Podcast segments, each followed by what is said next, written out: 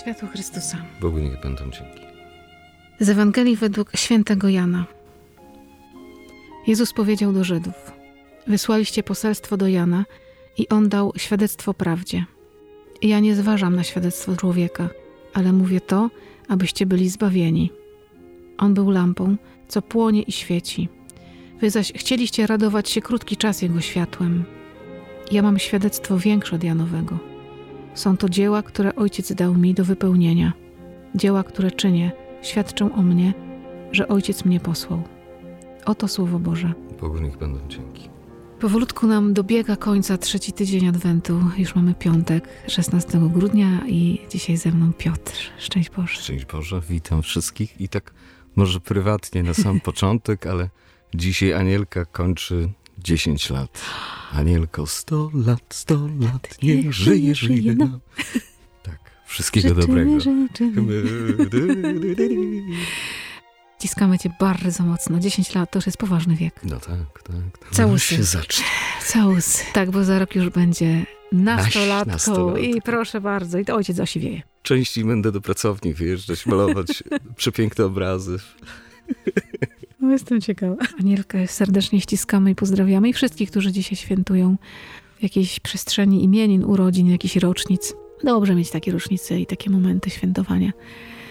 I dla każdego z nas dzisiaj Ewangelia jest właśnie taka nam dana, Janowa, o Jezusie, który powołuje się na Jana, a jednocześnie pokazuje na siebie, że jemu nie zależy na względach ludzkich, ale na tym, żebyśmy byli zbawieni. To mnie jakoś tak bardzo dotknęło w tym słowie, jak czytałam teraz właśnie, że nie mówię tego, nie zważam na świadectwo człowieka, ale mówię to, żebyście byli zbawieni. Mimo wszystko kocham Ciebie po prostu, mówienie Pan Jezus. Mhm. Nie? I wszystko, co robię, co mówię, co działam w świecie, działam w Twoim życiu, robię dlatego, że chcę, żebyś był, była zbawiony. Mhm. W tej perspektywie to faktycznie nabiera to wszystkiego zupełnie innego sensu. Przy też takiej rzeczywistości tej naszej i przy takim braku nadziei, to jeżeli się weźmie do serca i to, że to wszystko ma sens, że to Mhm. życie się nie kończy, no to, to można też tak zapłonąć, jak święty Jan Mhm. też jest o tej pochodni. Tak płonął bardzo tym pragnieniem przygotowania dla Chrystusa wszystkiego. A Jak to jest, że ja tak nie płonę, nie? że nie jestem takim Mhm. światłem, tylko tam dymię gdzieś w kąciku.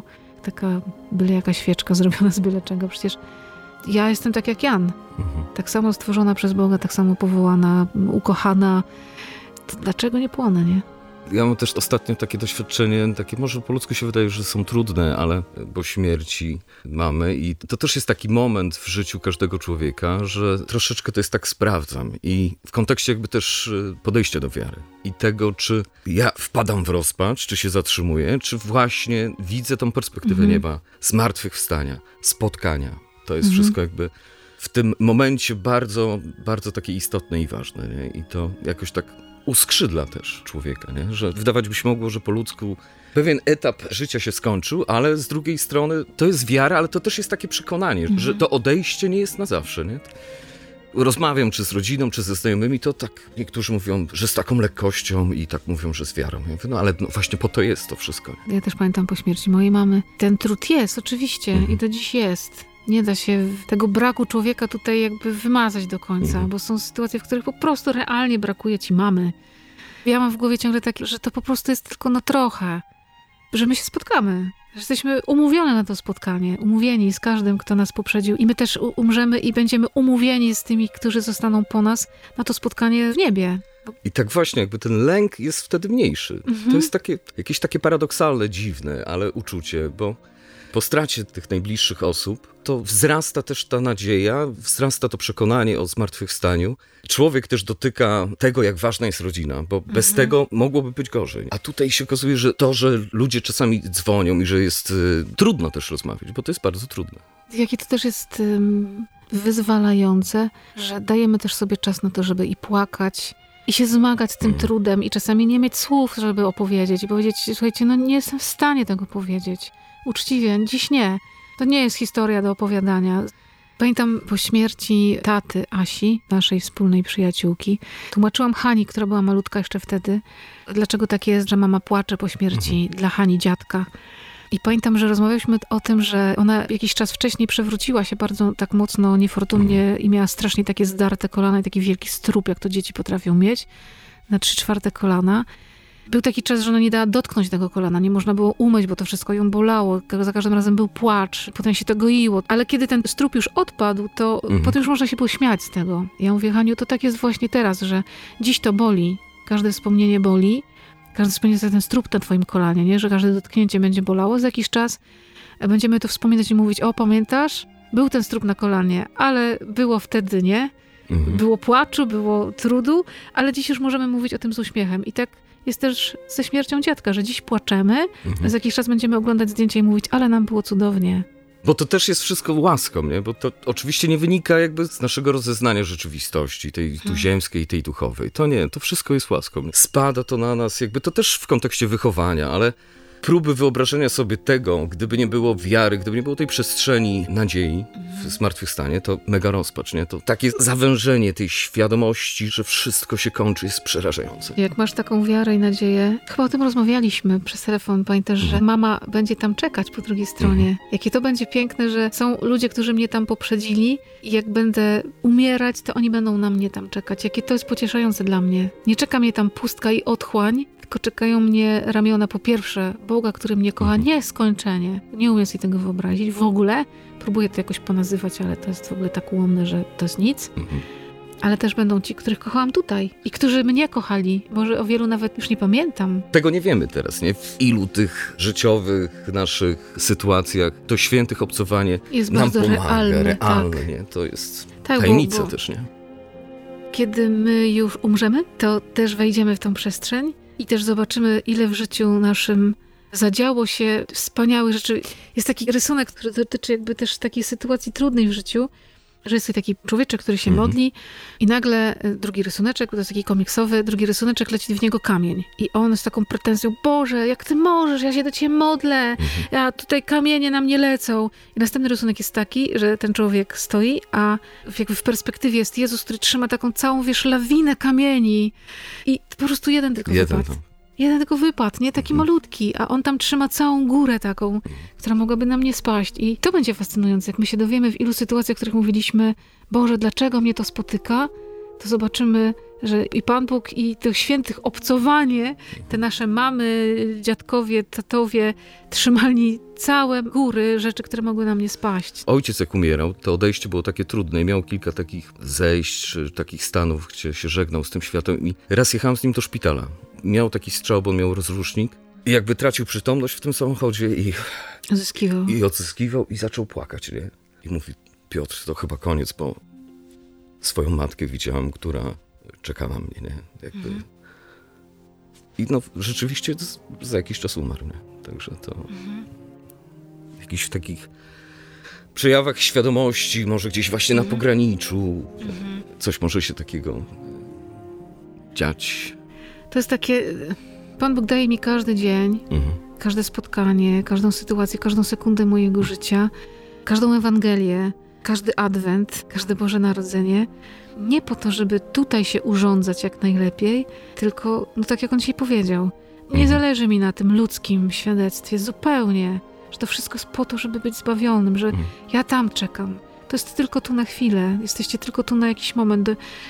Kiedyś pamiętam, czytałam taką rzecz, która no, niesamowicie mi otworzyła jakby oczy na to, że to faktycznie tak jest, że kiedy jesteśmy w łonie u naszych mamuś pod serduszkiem, to tam się tworzy nasze ciało. Ono się tak, Panie Jezu, się tka od jednej komóreczki i ono się tworzy i kiedy jest to ciało gotowe do życia na ziemi, to jest poród, to, to się rodzimy. Kiedy już mamy serduszko wykształcone, kiedy już wszystkie nasze narządy są gotowe, to wtedy się rodzimy.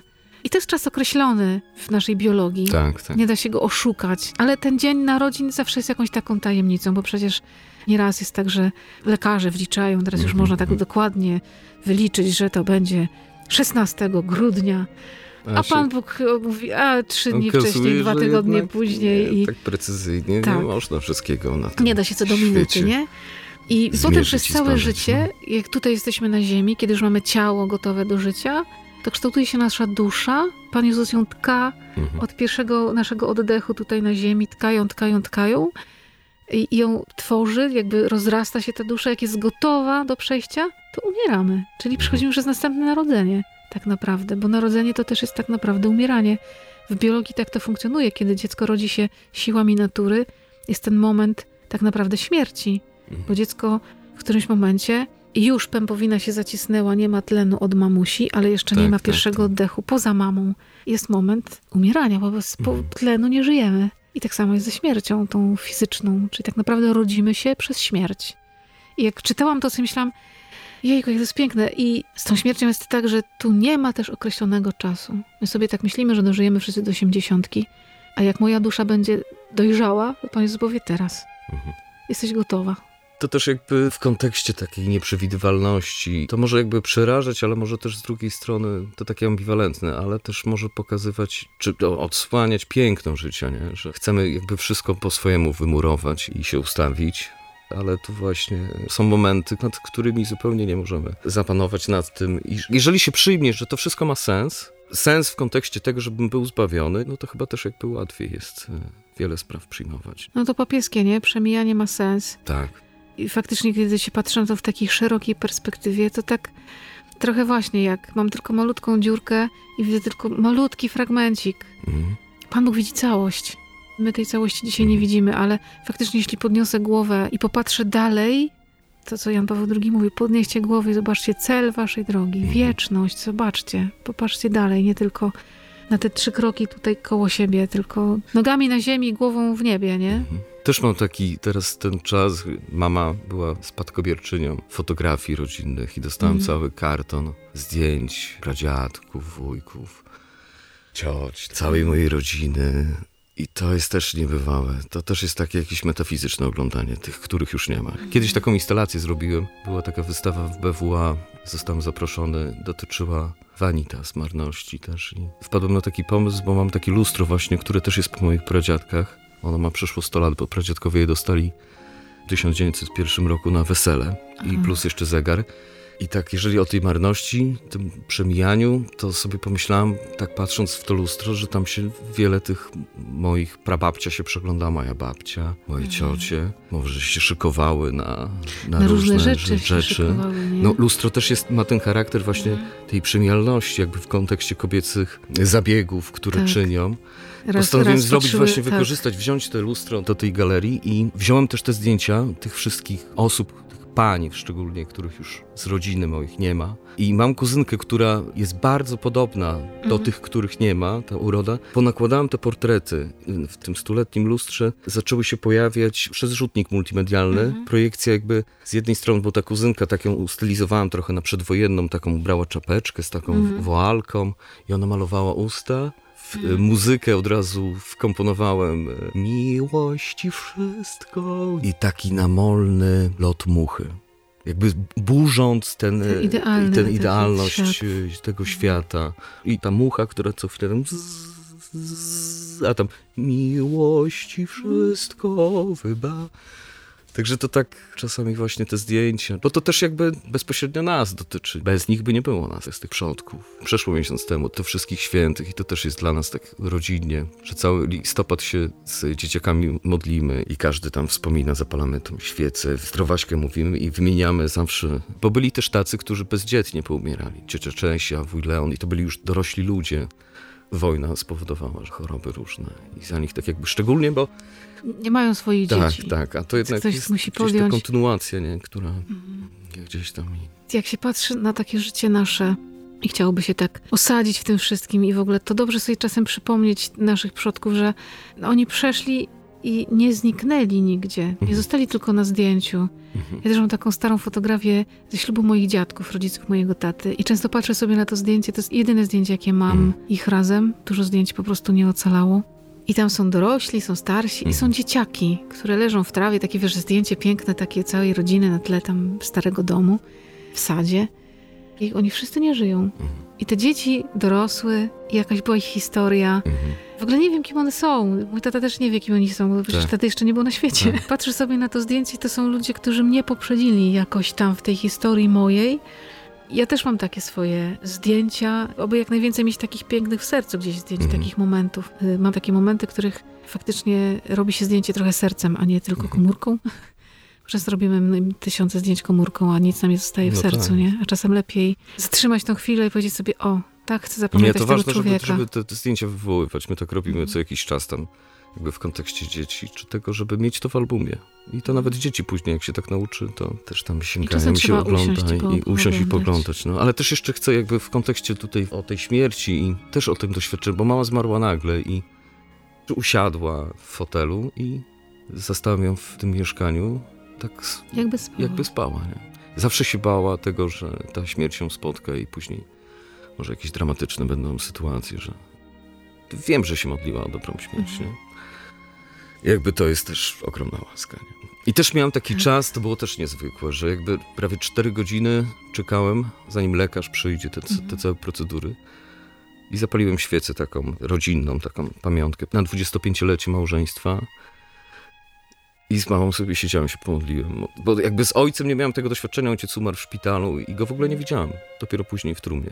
A tutaj takie dziękczynienie można było złożyć i My teraz tak bardzo uciekamy też od tego momentu śmierci. Tak chcemy to zamknąć w szpitalu, za, żeby tam się to ta pre- firma zajęła. To, to, to jest proceduralizm, żyjemy w strasznych czasach Tak, proceduralizmu. a- a ta Na mądrość- każdym kroku, nie? Tak, a ta mądrość kiedyś, że Przecież ciało leżało w domu. w domu To, i przychodzili No, ludzie, się modlili nie? i ja pamiętam po śmierci mamy, mama też zmarła w szpitalu, więc jakby no, ciało było mamy w szpitalu w Kostnicy, ale modliliśmy się u mojej siostry w domu codziennie różańcem. I to było takie niesamowite, że przyszło tak wielu różnych ludzi, naszych przyjaciół martyriowych, z rodziny, kto mógł, bo część rodziny jest daleko, więc nie mogli przyjechać, ale już potem bliżej pogrzebu już przyjechali, już byli. Sąsiadek mojej siostry, ktoś przyniósł ciasto, dziewczyny zrobiły jakieś jedzenie, mówią, nie macie głowy do gotowania, nagotowałyśmy wam mięsa, zupy, sosu. I ten dom stał się takim miejscem spotkania i rozmów. Po różańcu ktoś szedł szybciej, a potem często ludzie zostawali, a wspominali mamę. To to jak samo, bardzo takie tego samo potrzebujemy. doświadczenie właśnie tego No.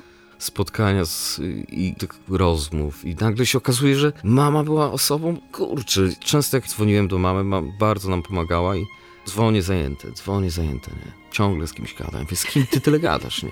I teraz dopiero to wyszło, nie? Ile tych koleżanek i to taki rytm dnia tam albo co drugi dzień, albo sobie potem telefon przeglądałem później po śmierci, to patrzę, takie kartki jakby SMS-owe, takie MMS-y wysyłały Mhm. sobie te sąsiadki, te koleżanki, życzę ci dobrego dnia. Relacje miała się okazało tam, że kilkadziesiąt osób, z którymi była ciągle na telefonie. Nie? Tu człowiek sobie myśli, że to było takie gadanie czcze, a to było bardzo potrzebne dla, Dla ich funkcjonowania, tak, emerytów. Jakby zrozumiałem swoją ciemnotę i jakby to, że w ogóle nie rozumiałem tego, nie? I dopiero teraz właśnie widzę, że, że te gadanie jest potrzebne, nie? mega potrzebne, bo to Mhm. jakby nie zawsze możemy się, no przez to, że już jesteśmy stazi, już nie możemy może się odwiedzać tak często, bo to jest Mhm. wysiłek.